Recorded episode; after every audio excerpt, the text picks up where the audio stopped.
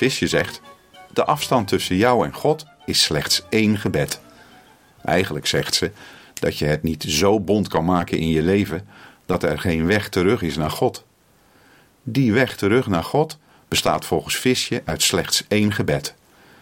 In dat gebed kan je bijvoorbeeld uitspreken dat je helemaal fout bent geweest en dat je God hebt laten zitten. Als je dan beleidt dat Jezus Christus de Zoon van God is, die ook voor jou is gestorven en daarmee jouw verlosser is, dan ben je weer terug op de weg naar God.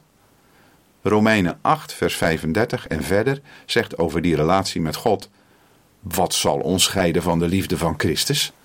Tegenspoed, ellende of vervolging, honger of armoede, gevaar of het zwaard?